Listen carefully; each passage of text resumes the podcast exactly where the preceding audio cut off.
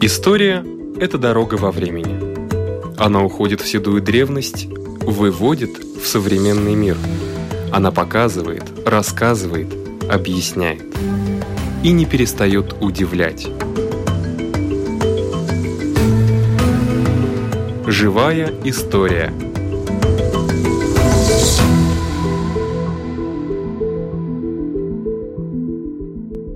У микрофона Лидия Чера.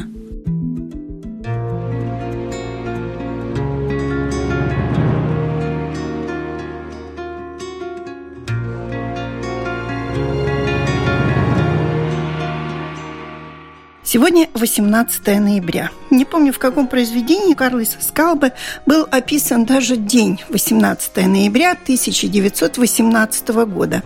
О том, что погода тогда напоминала сегодняшнюю, что шел то ли дождь, то ли снег. Был такой темный день, и он шел в Национальный театр для объявления независимости. У нас в гостях заместитель директора Государственного музея истории Латвии Ирина Зейбарте. Знаю, что вы собирали сведения о том, какие были празднования и какие тогда были дни. Так ли это? Да, дни были в основном такими же, как их описывает Карлис Скалбе, ведь осень, ноябрь – это довольно темное время. Конечно, бывали и солнечные дни, морозные дни, но как-то в памяти они остались в большинстве своем как такими туманными днями и пасмурными днями. И так же, как в 1918 году, когда уже, как описывают газеты, в половине четвертого, когда началась церемония провозглашения провозглашения независимости в теперешнем Национальном театре, люди шли на это собрание уже так в сумерках. Уже начинало смеркаться, и день действительно был таким, как описывает наш поэт – но смысл особого праздника 18 ноября, он не менялся и не меняется в зависимости от погодных условий. Но надо сказать, что свой отпечаток на то, как праздновали 18 ноября в течение почти 100 лет, он, конечно, оставил. Но надо, наверное, начать издалека, когда и как начали праздновать День независимости. Сразу скажем, так что первую годовщину независимости в 1919 году почти не праздновали, и этому нечего удивляться.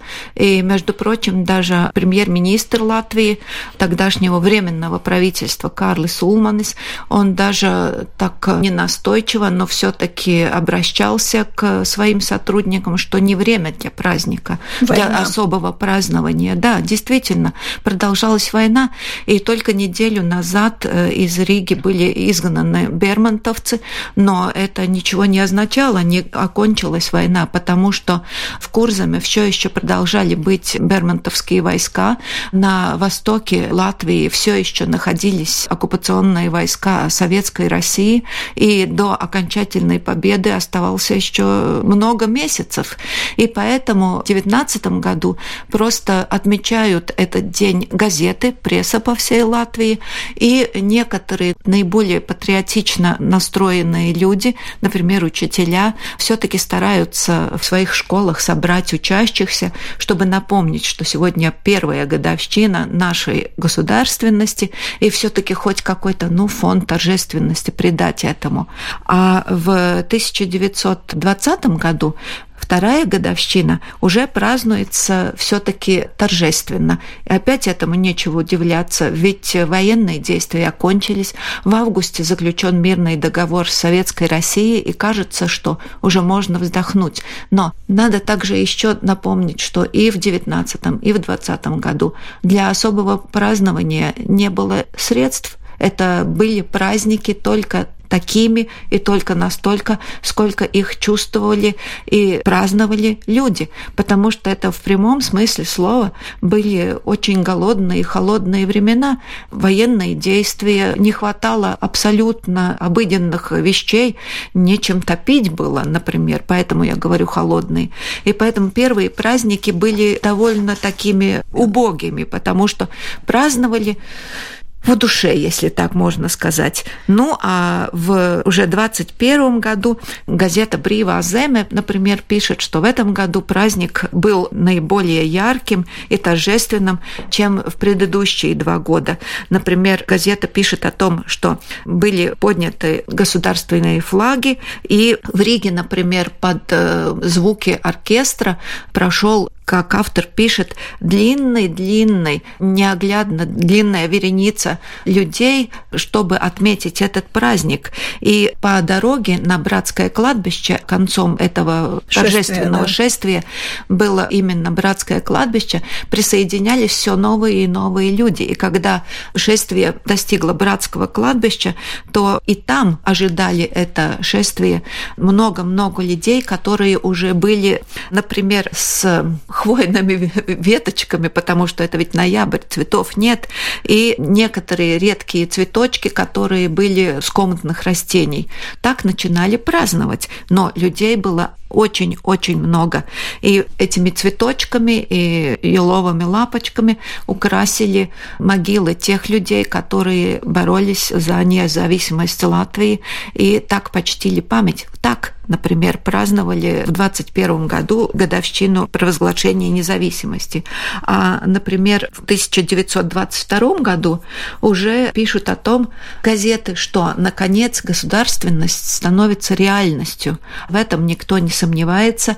И газеты пишут о том, что четыре года назад уже из идеи, которая 18 ноября 2018 года очень в большой мере была просто идеей.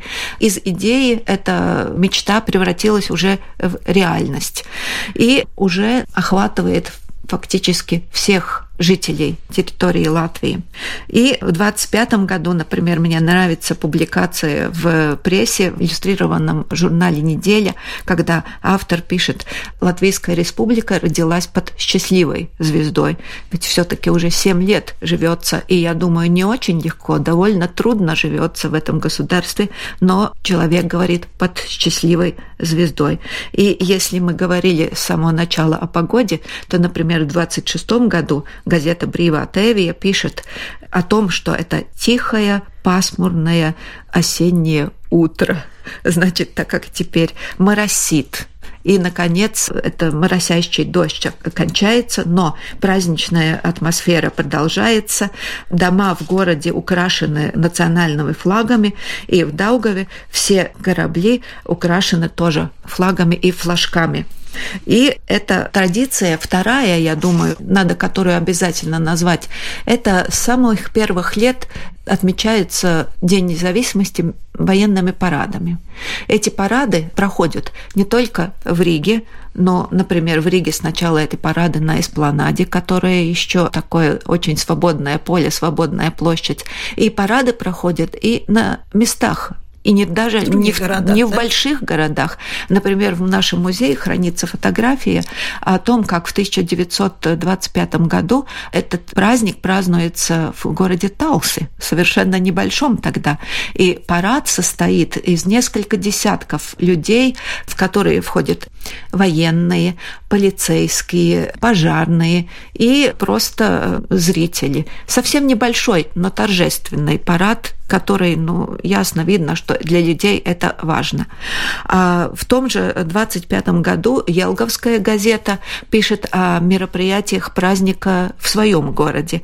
И после праздника журналист отмечает, что сегодня праздник в этом году удался особо торжественно и даже ярко. В всех костелах и церквях прошли богослужения, и на базарной площади, на рыночной площади прошел военный парад, и участники этого парада были не только военные, но и учащиеся разных школ и разных национальных организаций. После парада шествие, как манифестация, прошло по улицам всего города, а самая грандиозная часть этого празднования была вечером, когда в городе в 6 часов начался перезвон колоколов во всех церквях, играли оркестры, играли национальный гимн, и все витрины магазинов были особо украшены по случаю праздника, и иллюминированы были окна частных квартир и частных домов, и появляется такая интересная еще традиция. Вдоль улиц у домов были яркие зажженные плошки. Это то, что мы сегодня Свечи. понимаем как э, плошки. И еще от этого мы можем перейти к одной еще неотъемлемой традиции празднования 18 ноября. Это всегда связано и со светом с иллюминацией, потому что в это темное пасмурное время, наверное, человеку более всего надо именно почувствовать свет. И именно свет дает э, возможность прочувствовать торжественность мероприятия, торжественность данного момента.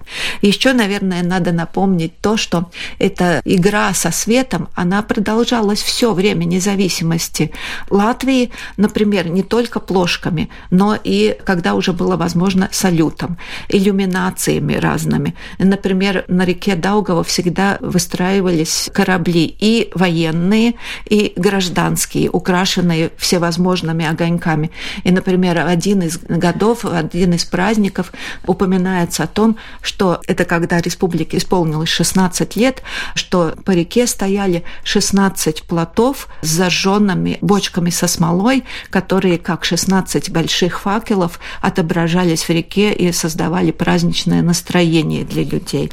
То есть на набережной всегда проходил? На набережной, да? потому что вот это такое тоже место, река, это Даугава, которая всегда имела особый смысл для истории, для судьбоносная река, и Свет, и замок, где была резиденция президента. Это тоже становилось таким местом вечернего празднования. Если днем, вот, например, в Риге праздновали на эспланаде парадом, если шли с утра на братское кладбище, то вечером это место, где люди идут, наверное, надо так сказать в прямом смысле слова, на свет – и этот цвет независимости, который очень-очень важен для людей. Ну и газеты, конечно, рассказывают о том, как праздновался праздник по всей территории Латвии. Ну, например, я просто так подряд я могу называть, как празднуют, описывают газеты. Яунпиебалга, Леяс, Цемс, Бауска, Лепая и так далее. И фактически первое большое празднование было в 1928 году, когда исполнилось 10 лет республики, и второе более грандиозное грандиозное было в 1938 году, когда республике исполнилось 20 лет. И поэтому вот эти первые юбилеи, они отмечались особенно изданиями, мероприятиями, театральными постановками и так далее. Я думаю, что это такие традиции, которые перешли и в наше время. Конечно, был огромный перерыв. Вот с какого и, года был и, перерыв? Ну, конечно, с 40-го потому что осень 40 -го года это была уже советская оккупация, ни о каком празднике независимости речи быть не могло. Латвия считалась, что принята в э, состав СССР. В 41 году, в ноябре, тут уже были немецкие оккупационные войска. Это было уже не так строго, но пышно праздновать, конечно, не было возможности. О каком-то, ну, праздновании, о национальной идее начинает во время немецкой оккупации говорить в 43 году, когда немецкой Германии нужна помощь, уже чувствуется поражение, и тогда уже разрешается чуть-чуть поговорить о независимости. 44 год – это очень тяжелый год, когда война уже идет на территории Латвии, Вторая мировая война еще не кончилась, а в 45 году снова оккупация. И за время оккупации вплоть до 1988 года, кто и хочет праздновать, то он должен праздновать тайком.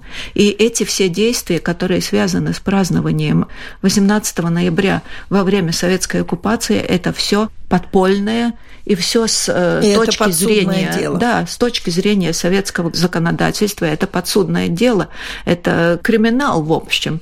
И поэтому, например, если почитать в архиве сведения о том, именно если выбрать ноябрь, каждого года, то в 60-е, 70-е годы, не только в первые послевоенные годы, встречается упоминание о том, что задержано столько-то, столько человек за распространение антисоветских национальных буржуазных листовок.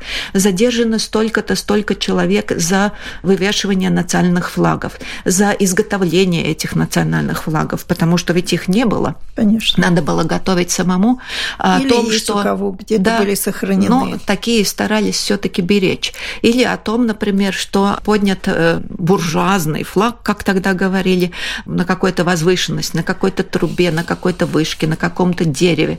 И вот это, конечно, преследуется законом. И только с 1988 года стараются праздновать уже по-старому этот праздник.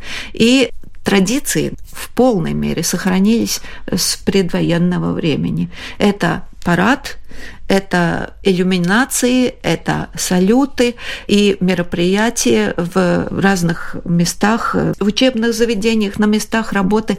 И, конечно, поход на братское кладбище, которые разные организации организуют. И 11 ноября и 18 ноября. Это традиционные походы.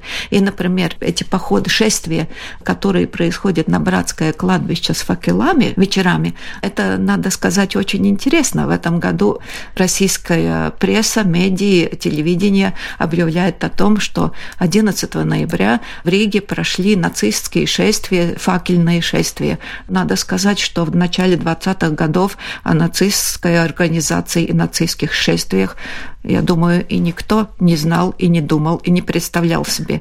Надо просто понять, что есть традиции более древние, и эти традиции, которые связаны со светом и гордостью за свою независимость, не надо превращать в какую-то политическую акцию.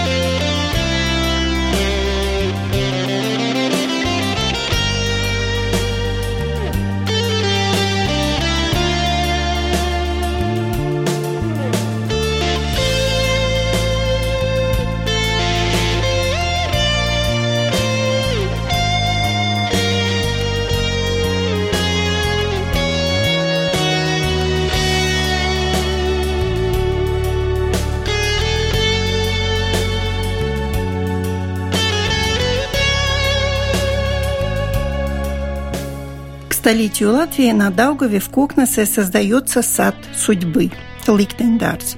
Это место, в котором встречаются прошлое, настоящее и будущее, как человека, так и государства. Встречаются, чтобы успокоить прошлое, дать силу настоящему и вдохновение для исполнения мечтаний в будущем.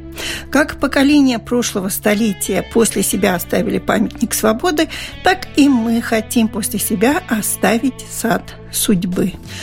До сих пор в Латвии не было памятника национального значения, который стал бы символом утрат народа за последнее столетие. Ликтендарс «Сад судьбы» – это национальный проект, который при поддержке народа Латвии реализуется на острове Кокнесе посреди Даугава – Проект начался в 90-летие Латвии и должен быть завершен в следующем году. Он станет подарком к столетию Латвии. Средства на создание сада судьбы собираются за счет знаков пожертвований. Он расположился на территории в 22 гектара на берегу Даугавы, где построены дороги и площадки, высажены новые деревья, оформлена центральная часть амфитеатра. Это мемориал в память о 600 тысячах соотечественниках, которые погибли в 20 веке. Автором идеи является долго проживавший в Венесуэле Виллис Вейтулс. Сад спроектирован японским архитектором Шунмио Масуна – работа которого стала лучшей из 200 представленных на конкурс. Объект разделен на семь частей, символизирующих прошлое, настоящее и будущее. В этом году, 18 ноября, прошла как бы генеральная репетиция празднования столетия. Накануне праздника мы встретились с председателем правления Кокнесес фонда Валдой Аусеней. По намеченному плану центральная линия амфитеатра должна указывать на место заката солнца на противоположном берегу Даугава 18 ноября 2018 года. А в этом году эта линия уже совсем близко, наверное. Нам еще есть что поработать. Мы, конечно, приближаемся. И хочу упомянуть, что эту линию как будто мы строим с 113 тысяч булыжников, на которых упомянуты человеческие имена всех тех людей, которые помогают строиться Ликтендарзу. Но и с этого большого числа 113 тысяч мы вложили приблизительно 18 тысяч. Так что нам есть еще что потрудиться, и, конечно, я приглашаю всех тех, у которых есть возможность помогать расти саду, именно с этим тоже возможностью получать булыжник со своим именем в Ликтендарс. Меня интересует та линия, которая указывает на место заката. Вот она уже близка к той линии, которая будет в следующем году. Или все-таки не э, так? Эта линия «Закат солнца» да, 18 э, да. ноября всегда в амфитеатре. Он в одном месте? В одном месте меняется немножко время.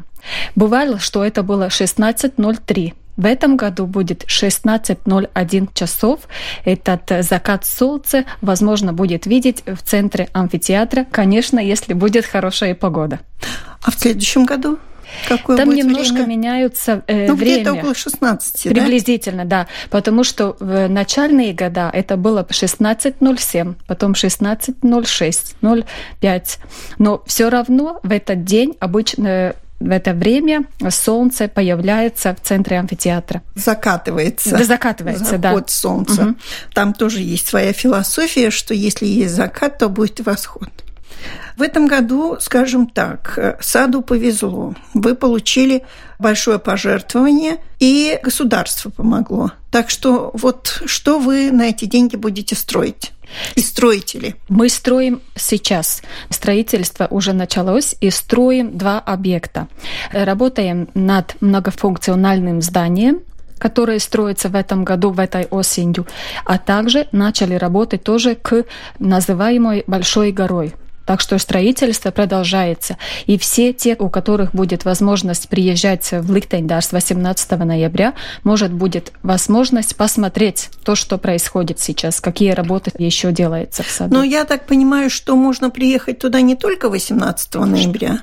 Конечно, любое время можете приезжать, посмотреть, походить. Работы там будут каждый день происходит. То есть там всегда открыто? Да двери открыты для посетителей, независимо от погоды. Ну, наверное, конечно, ночью там никто не ходит, все-таки темно. Но многофункциональное здание мне понятно. А вот гора это что собой представляет и зачем она нужна? Каков ее смысл? Смысл таков, что с горы можно будет видеть ландшафт всего Ликтендарза, а также будет видна Даугава, и Большая гора будет тоже менять рельеф сада, что это будет возможность не только ходить по... По равнине? Да, но можно будет и тоже э, подняться, подняться по тропинкам в гору. И высокая будет гора? Да, гора будет 12 с половиной метров. Емкость э, всего материала, который нужен, чтобы построить эту гору, приблизительно 200 тысяч кубикметров. Так Это что песок или гравий? Там или... разное. Э, там и песок нужен, и э, нужна земля, как так называем, ауглига. Плодородная. Плодородная тоже земля. Так Она что... будет засажена какими-то растениями? Растениями. Одна сторона будет деревьями, а вторая сторона цветами. Вот как. А как яблоневый сад прижился ли? Да, очень даже. Растет. Растет. И в этом году мы делали так называемый яблочный бал даже, что делали с яблоков, которые были в Ликтендарс, тоже сок, и приглашали гостей. Даже уже да. плодоносят яблони. Да, уже. И разные сорта. А сколько, наверное, наверное, года 3-4 уже простоял этот яблонь? Больше, потому что первые работы были начаты в 2008 году. Угу. Эти яблони как раз были те, которые были посажены в самом начале этого проекта. Ну да, конечно, почти десятилетняя яблоня, она уже должна плодоносить. Но один год не было заметно движения и работы просто потому, что укрепляли берег. Это было очень трудоемкое и финансово дорого стоило, вот да. это укрепление берега. А вот э, беседка, которая в конце построена, она очень оригинальная, но она уже как бы теряет такой вид, она уже не такая красивая. Что-то, может быть, уже надо будет и ремонтировать в конце концов. По проекту она была выдумана так, что она как будто соблюдает свой натуральный вид – что она особенно искусственно не была обработана. Да. Чтобы именно эти деревья, материал, с которого сделана беседка, чтобы он остался таким, как он есть. И именно так она и живет. То есть он не будет цвета желтого дерева, а оно будет такое, как все деревья, которые она впишется в пейзаж, и не будет уже такая новая и блестящая, как была. Такой замыслов архитекторов. И в этом году какой праздник будет, к сожалению, наши радиослушатели смогут только услышать, увидеть уже не успеют, если даже прослушают, но, по крайней мере, услышат, что у вас там в этом году происходит. Мы будем делать такое мероприятие, которое посвящено день рождения Латвии, и начнем один час перед закатом солнца. Три часа планируем открытие книги Инти Вилки, в котором она рассказывает историю своей семьи как они жили в изгнании Сибири. Кто это автор? Инта, Интавилка. Интавилка. Да. Угу. И это человек, который был репрессирован. Так что это будет такая первая часть события, и это... потом мы перенесемся в амфитеатр, и в амфитеатре будет символический концерт в котором будут участвовать солистка Элза Розентале, а также танцевальный ансамбль Залиты с Юрмалы. Я знаю, что там должна быть эстрада, которая даже на Даугаве, да, немножко как-то там большой камень должен лежать. Вот это уже есть? Пока тех больших камней нету, поскольку те камни хотел поставить сам маэстро, сам Шумио Масуно. Когда мы делали с ним переговоры, он э, высказал такое свое мнение, чтобы он бы сам хотел быть на месте в Ликтендарс, когда они будут ставиться. И сейчас идет э, переговоры с японским представительством в Латвии, что это может э, быть или в следующем, или в 2018 году, когда мы будем приглашать его именно в Ликтендарс. И то, что будет в этом 18 ноября происходить, это будет в середине амфитеатра, у берега Даугавы именно. И он сам будет смотреть, где поставить да. этот камень. Да, там семь камней, и он хотел сам их поставить. Вот этот концерт на свежем воздухе не слишком ли холодно для этого? Костер там не будет? Будет. И там тоже я хочу предлагать всех тех, которые приезжают, что приезжали со своими свечками. Потому что после мероприятия мы будем все вместе составлять контуру Латвии со свечками. Mm-hmm. Чтобы тоже было тепло не только в саду, но и в сердце.